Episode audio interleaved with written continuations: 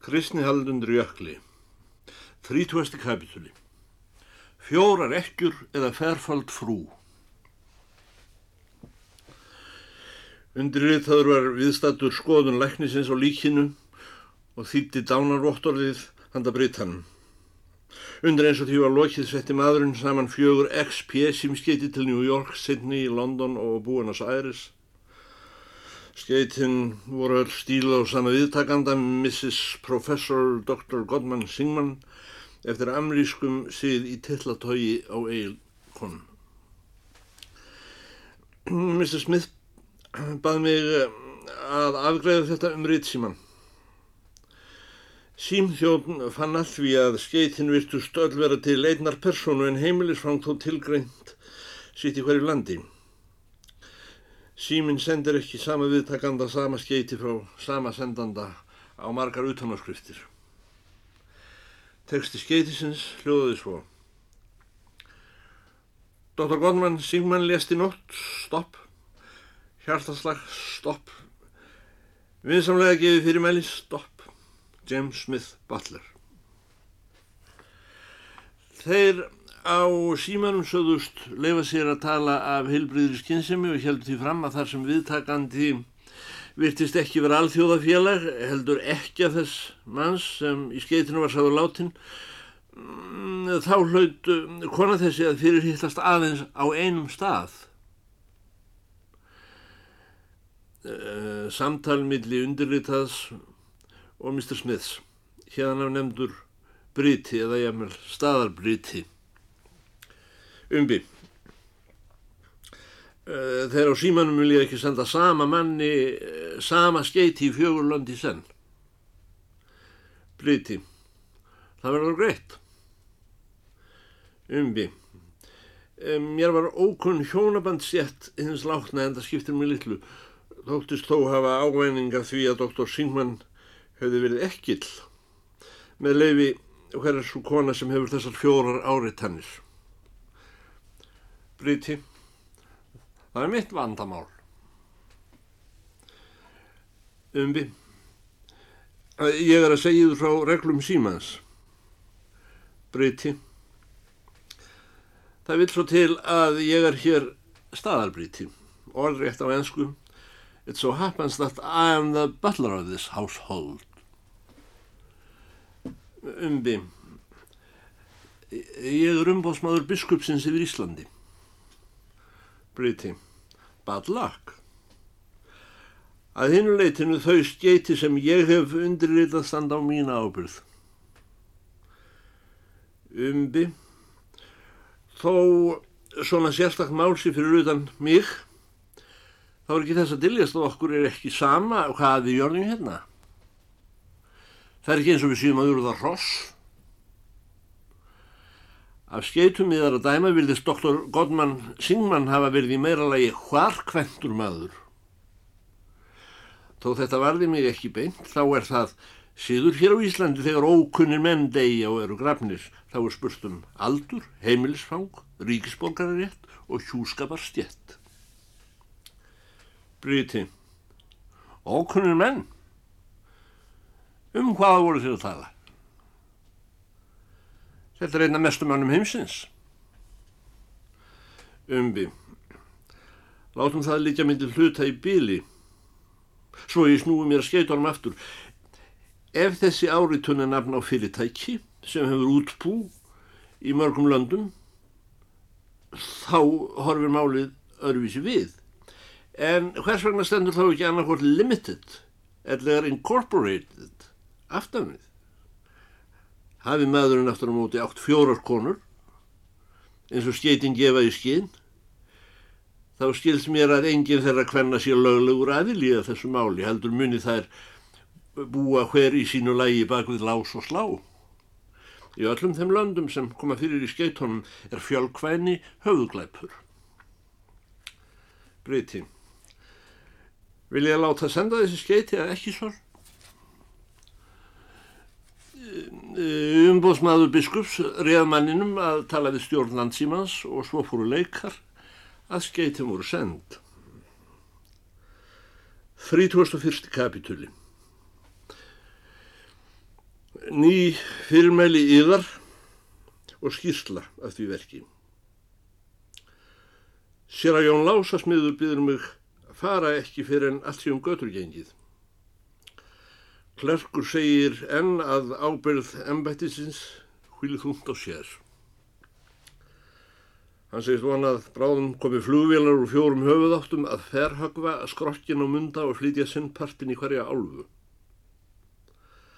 Axlarbjörn, frægastur maður undir jökli, var heiður í þrem dísjum, segir sóknarpresturinn. Sömleðis hefur hann hert að konungrafi Ming dínastíunni hafi hverjum sig verið lagðir til hvildar í tólf grafhöllum. Dagurinn íður án þess svörfáist af hálfu fjögurra ekna. Brytinn ekkur á stað í kaupstaðarferð í límúsínunni Imperial. Tólftannabílinn með jódínu skáld eldin eins og hundur.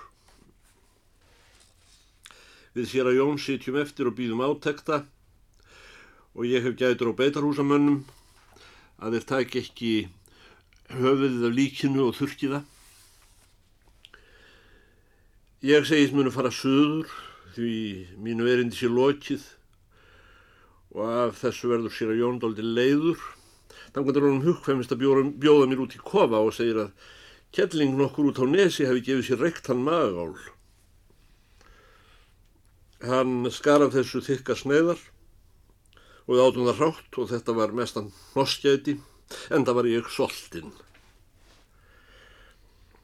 Hann sett upp ketilinn og sögði þið sterka ketilkaffi sitt og hér var nógum rúbröð og smjör og mér að segja lúðuriklingur fyrir einn 20 pund sterling. Loks komst ég í tím og við stóðum báðir á endinni af eftir vendingu hvað heims konan fersfalda myndi segja. En uh, þetta var skeiti frá yðar herradómi biskupnum yfir Íslandi til mín. að legg það hér ásamt. F.H. Kirkjumálaráðuneytisins góðfúslega lítið eftir útför ástralsks verkfræðins af íslenskum uppruna lést undir jökli í morgun skal ég allsyngjast á staðnum eftir kröfu í skeiti meðtekna þessari mínútur frá Mowitz um Cattlewide Limited Solicitors Brokers Securities Corporation London WC etc. Svo hljóðandi Mr. Singman of Australia died in Iceland this morning kindly bury the man immediately attestations of responsible authority requested, costs payable in this London office, þýðing undirlitast. Herra Singman af Ástralíu dó á Íslandi morgun, góðfúslega grafið mann strax, staðfesting hlutaði endi yfirvalda krefjanleg. Kostnaður greiðist í þessari lunduna skrifstofu. Skeiti biskups heldur áfram feliður ábyrð á lögfullum undirbúningi og framgangi æsktrar aðtapnar. Hlutaðegandi embetsmenn auk úrlandra fulltrúa verða viðstættir. Biskup Íslands. Umbi. Það er líklega betra að fara að setja rúður í kirkjunu, sér að Jón. Sér að Jón. Æ, kirkjan á ekki til sjóði. Umbi. Þeir borga í London. Sér Jón, hvað munar þá um að fara með hann til Lunduna? Á eftir getur þau farið með hann til Ástralíu fyrst þeir telli hann skrifa hann þar. Eða hvað segja þrýr samverkamenn hans hér? Umbi. Eh, þeir vilja þurka á hann höfuðið. Annað hafa þeir ekki til málun að leika. Betra að gefa ekki um þá. Sér Jón kannski þér viljið jarðan sjálfur umbi hvernig dettur yfir það í hug ég er óvíður maður ég get ég einu sinni kasta rekum löglega. Aftur á móti er mín fyrirmæli hér í staðfestu skeiti frá biskupi. Þau segja skýrt og skorinort að mér beri að ábyrgjast lögfullan framgang þessa máls. Ég fæ ekki betur séð en þér, sóknarpresturinn og engin annar séu sá löglegur aðilji. Sér Jón, þykir alls ekki skoplegt að gera það fólk frá minni kirkju, í mínum kirkjugarði? Umbi hampar skeitinu, hér eru mín fyrirmæli. Sér Jón, það stendur svo á að mig vantar bein í róuna til að mæla eftir þennan mann. Við vonum kviðmáar. Hann var sá galdramaður að hann breytti unnustu okkar í fisk. Kvöld. Britinn kemur á sunnan í imperialnum og Jódínus töltir á eftir með líkistuna í tólftonnabílnum og ekki annan farm að undanskilinni frú Fínu Jónsson í framsætinu. Byggingameistari er og í slagtóginu þeirra erinda að sjá hvað gera til við kirkjunni til góða. Hann segir að á morgun verði sendir smíður. Soknarprestunum fyrir að leita eftir kúbeini því nú á að lúka upp gluggum aftur. En fremur rýfa af hurðinni slagbrandana eins og hann hafði þó nexla vandlega fyrir í gær eftir að umbóðsmaður biskups hefði gert aðsjón. Frú Fína Jónsson býður fyrir utan með skrupuna og, og er nú opið í kirkuna. 48 centimetrar eru upp á þröskuldin sem fyrir var litað á þessari skýrslu. En það hveður frú Fína Jónsson ekki saka, segist vel hafa klof á þess konar þröskulda. En í þessari kirkju dugði hvorki skrubban í sápa og ekki einu sinni stóri sópur. Heldur segist Jón, Jódínus mun að sækja mann með reku á morgun. Byggingamestarinn skrifar hjá sér, lofar einnig að koma með flokk á morgun og ekkur heimleiðis. Það þurfti að kistuleika líkið. Við bárum inn kistuna í bungalóin Beitarhúsamennir eru lagsti til hvíldar á dýrapallinum undir derinu þar sem ekki rignir. En uh, þeir hafa ekki fyrir síð að ganga í hús manna nema í aftökum samanberð melrakkar eða sér greni og svo frá nýðis. Þeir eh, gæjast upp úr svempókum sínum á þess að bjóða gott kvöld og draga sig aftur í bósið. Við ruttum húsgóknum úr vegi í setustofu og hlóðum sumu upp að veggjónum gerðum síðan börur á miður stofugólfi. Frú Fína Jónsson þó líkið þar sem það láði í rúminu og við liftum því eftir þörfum henni til hæðarauka. Það var mjög styrt. Njáliðinir sem voru reyndar óljóst markaðir í lifandalífi voru eins og gattstokkar frú F.J. kom með lík hjúp úr skreppu sinni og segir að ég saumaði nú þetta úr náttjólsefni sem ég ætlaði sjálfur í mér. Síðan hjúpum við líkið. Þegar því starfið er lokið, segir konan. Svona lífið. Og átti við að náttkjól sem hún hafi ætlað sér verið nú hafður á mesta veiðimann heimsins. Því næst bárum við líkið fram í stofuna og lögðum í kistuna og undirritaður fekk að halda undir höfuð hennum frægamanni. Það kostiði erfiðismunni að krossleggja armana á brjóstíðunum. Nú liggur hann þarna. Hann var ekki lengur bláðhústaður í framann heldur brúnn af gamalli sól úr heitum löndum. Síðan fara eftirfarandi orðræður fram. Britinn. Það er enginn sem fer með bæn hér. Sér að Jón Prímus hálf döflega Æ, ég er lungu komin út úr því með bænir. Umbi við Britann á einsku. Jú, aðeins böllar. Þá fór böllarinn að tafsa í lágum hljóðu með enska bæn en mjög hrætt. Svo undirritaður fekk ekki gjörla greint hvort heldur það var fadirvorið eða It's a long way to Tipperary. Umbóðsmanni yðar syndist sér að Jóni líða eins og skriði á hann undir bæninni. Frú Fína Jónsson leið á kallmennina eins og til að spyrja hvert uh, hvort uh, þetta verði alltaf sumt á þeirra hendi. Svo virtist vera. Þá tók konan upp hjá sér gamla sálmabók nokkuð slittna en gilda í sniðum og, og stakk inn á brjóst líkinu.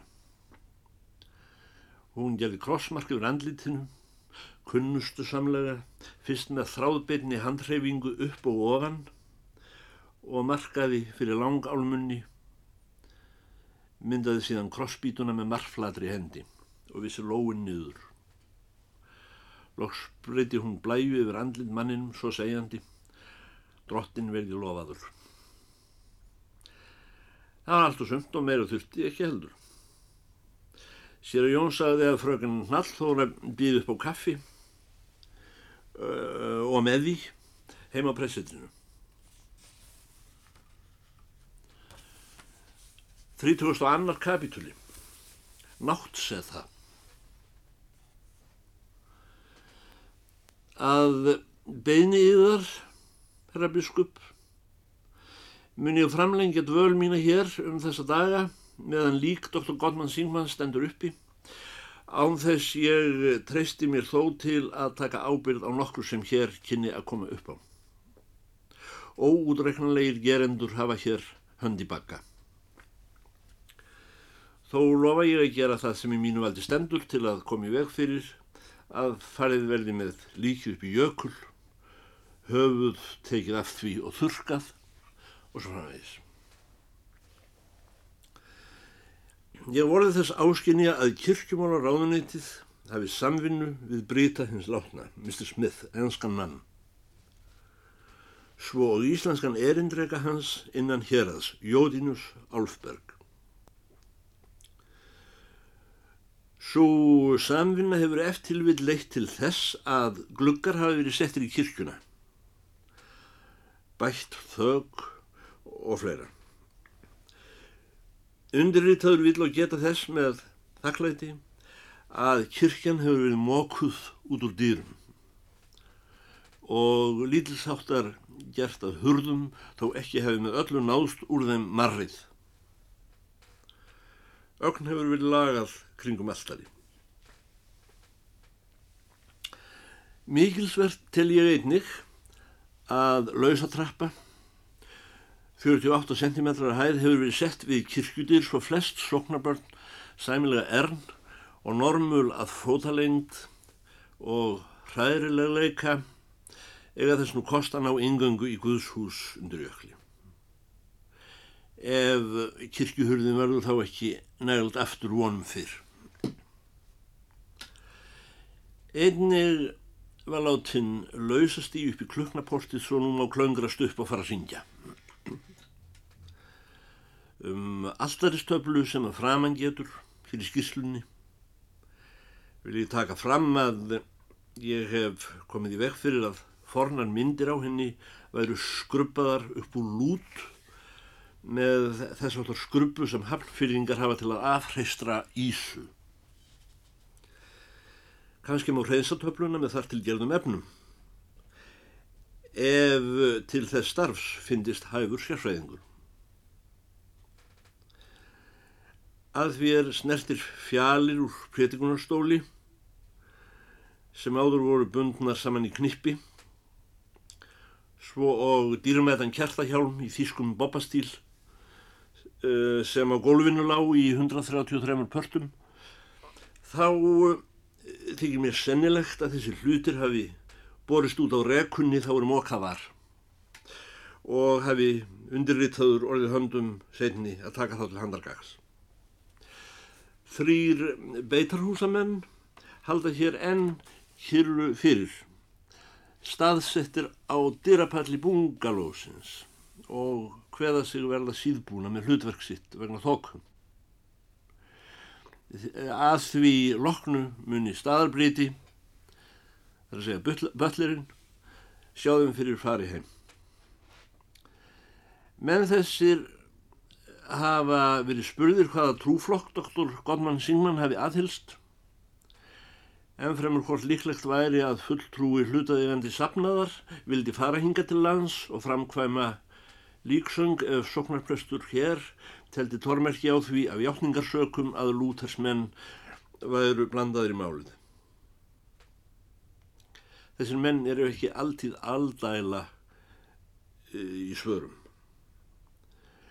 E, þeir segja um lík Dr. Singmans að þetta sé búkurinn af alþjóðlegum viðskiptahöldi.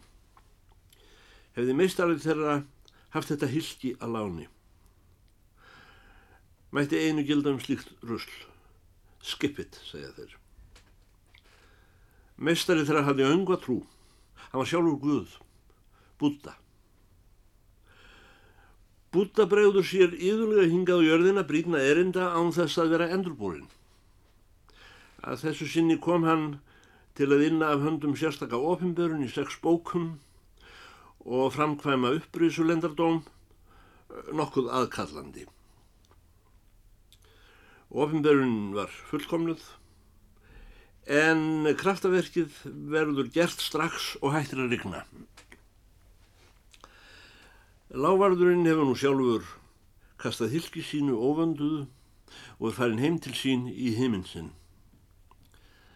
Þaðan mun hann koma í endurbúrinni mynd sem búta hinn 50 eftir svo sem 3000 ár til að frelsa heiminn og reka endan hnút á það lausnarverk sem hann hefur áður stopnað til í bók og undri. Undirritaður kann ekki um að dæma hvort þessi kenning sé bútismi fremur en eitthvað annað. Það eitt er vist að ég kannast við sitt hvað úr þessu og er þó ekki bútisti. Undirritaður ber ekki við að útskýra neitt, ég bæta nokkru við en að mínu viti er ofangreindu líkami eftir kenningu þessari til bær að mega jarðast undir almennir í kristilegri hjáttningu að breyttu breytanda. Anna máli það að meðal beitarhúsamanna er einn e, gíjarinn bersinlega af ættarni hausaveiðara í Suður-Amríku og hefur farið fram á að fá höfu Dr. Singmans til þurkunar. Ég hef brínt fyrir Mr. Smith, nöðsinn þess, að líkið sé innvirðulega náttsett á vegna Mr. Mowitz and Cattlewade Incorporated, Solicitors and Brokers, etc. Og fer honum ábyrð á því meðan það stendur uppi í bungalónum. En undir eins og kirkjan er í orðu mun undirritaður náttsæta líkið á vegum kirkjumálráðanætisins samkvæmt fyrirmælum og eftir samkommulegi við sóknarprest. Kvöldið fyrir jarðarförina. Smiðinir og farnir og gravarar hafa verið að starfi. Kistan hefur við fluttin á kirkjugolf. Aðeins eitt er enni óvissu viðvíkjandi þessari jarðarför og það er hvort hún náið framálganga. Sérjón Prímus hefur enn ekki gefið ótvirætt jávildi sitt, var horfinn fyrir fótaferði morgun og hefur ekki sést í allan dag. Það hefur árangurslaust við símað út um alla sveit. Nótt, dimt í lofti, súld. Beitarhúsamenn sofa á dýrapalli bungalósins undir derinu. Líkir á sínum stað og kistan opinn til höfða og verður lokið ekki dreyið fyrir til fulls fyrir en ofinberir aðiljar hafa búið það saman við gögn sín. Ég afræð að halla mér í klukkutíma og leta af mér áhyggju í von þess að skaparinn muni einhvern veginn klórasku fram úr vanda málum morgundagsins. En alla hef ég leið lengur mínútu þegar ég heyri flóttalegt fótartak utan að bæja hlöðum eru nú beitarhúsamenn komnir á kreik með höfuðið. En þegar ég fór að gá voru það sögkindur á hlaupum þær sannuðu sig með því að jarma. Nóttin var blöð og þung. Það var svo tegund rigningar sem gerir manni kallt í skrokkin án tillits til hitastyks. Sálarrigning. Ég lagðist aftur fyrir örmagna af áhyggjum sem voru sannanlega ótímabarar. Í þetta sinn fjallam um mók en næstum jafn snemma upphóst martröð. Mér myndi ég hefði glemt að slakfa á kertinu við höfðagab líksins og nú hefur kerti dollun á golf og blái logar eins og nokkur skonar fljótandi efni eru farin að flæða um kirkugólfið. Ég aftur í skóna og æði út í kirkju. En þá hafði náttúrulega aldrei verið neitt kerti og því síður ljós. Í mókinu hafðu komið upp í hugminn lausbeslaðar endurminningar náttsetu mynda í Chiaro og Skúró með skímu af kerti við fótagafl hins látna. Það er vísu skuggsýnt í kirkjunni þrátt fyrir nýju rúðunar. Þó dimmir aldrei svo á nótt millir krossmessu og fardaga að ekki sjáu glitta á þjættan úða í grasi sem er að spretta fyrir utan. Alltaristablan er samt svartari en nokkru sinni fyrir. Ég var að hugsa hvort ekki hefði verið afskipta sig mig að mér að banna frú Fínu Jónsson að fjalla um þessa fornulist með skrubunni og hennum sterkal út. Eða hafði hún ekki tekið þetta allt saman að sér í uppmælingu?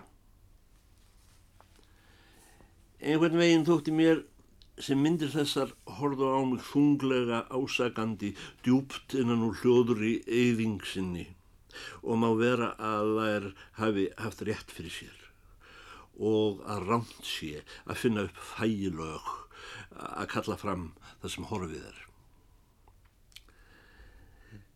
Ég var búin að fara upp á rúminu tveisvar. Mér fannst ekki taka því að fara í rúmið í þriðjasin. Beitarhúsamenn tellið sig statta á norðurpólunum og sé þetta domkirkja þar. Eftir vil voru þetta íkjur að sömu leiti en eitthvað er samt á sveimi hér eins og afturgengnir rostungar og hugur minn fullur af því sem er ótímabært. Er ég þó ekki nema hálf þrítúr maður. Ég settist á börnum til fóta og dottaði ofan í bringuna.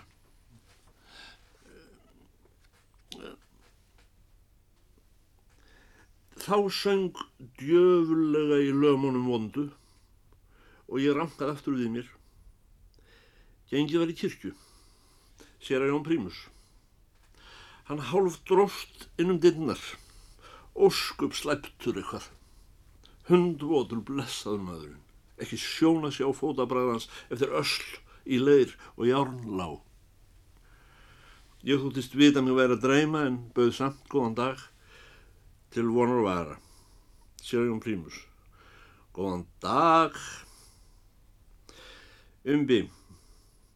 Ég sé að þér hafið verið út að spá sér að sér að Jón, hvað, hvað hafið þér lett svona illilega ofan í?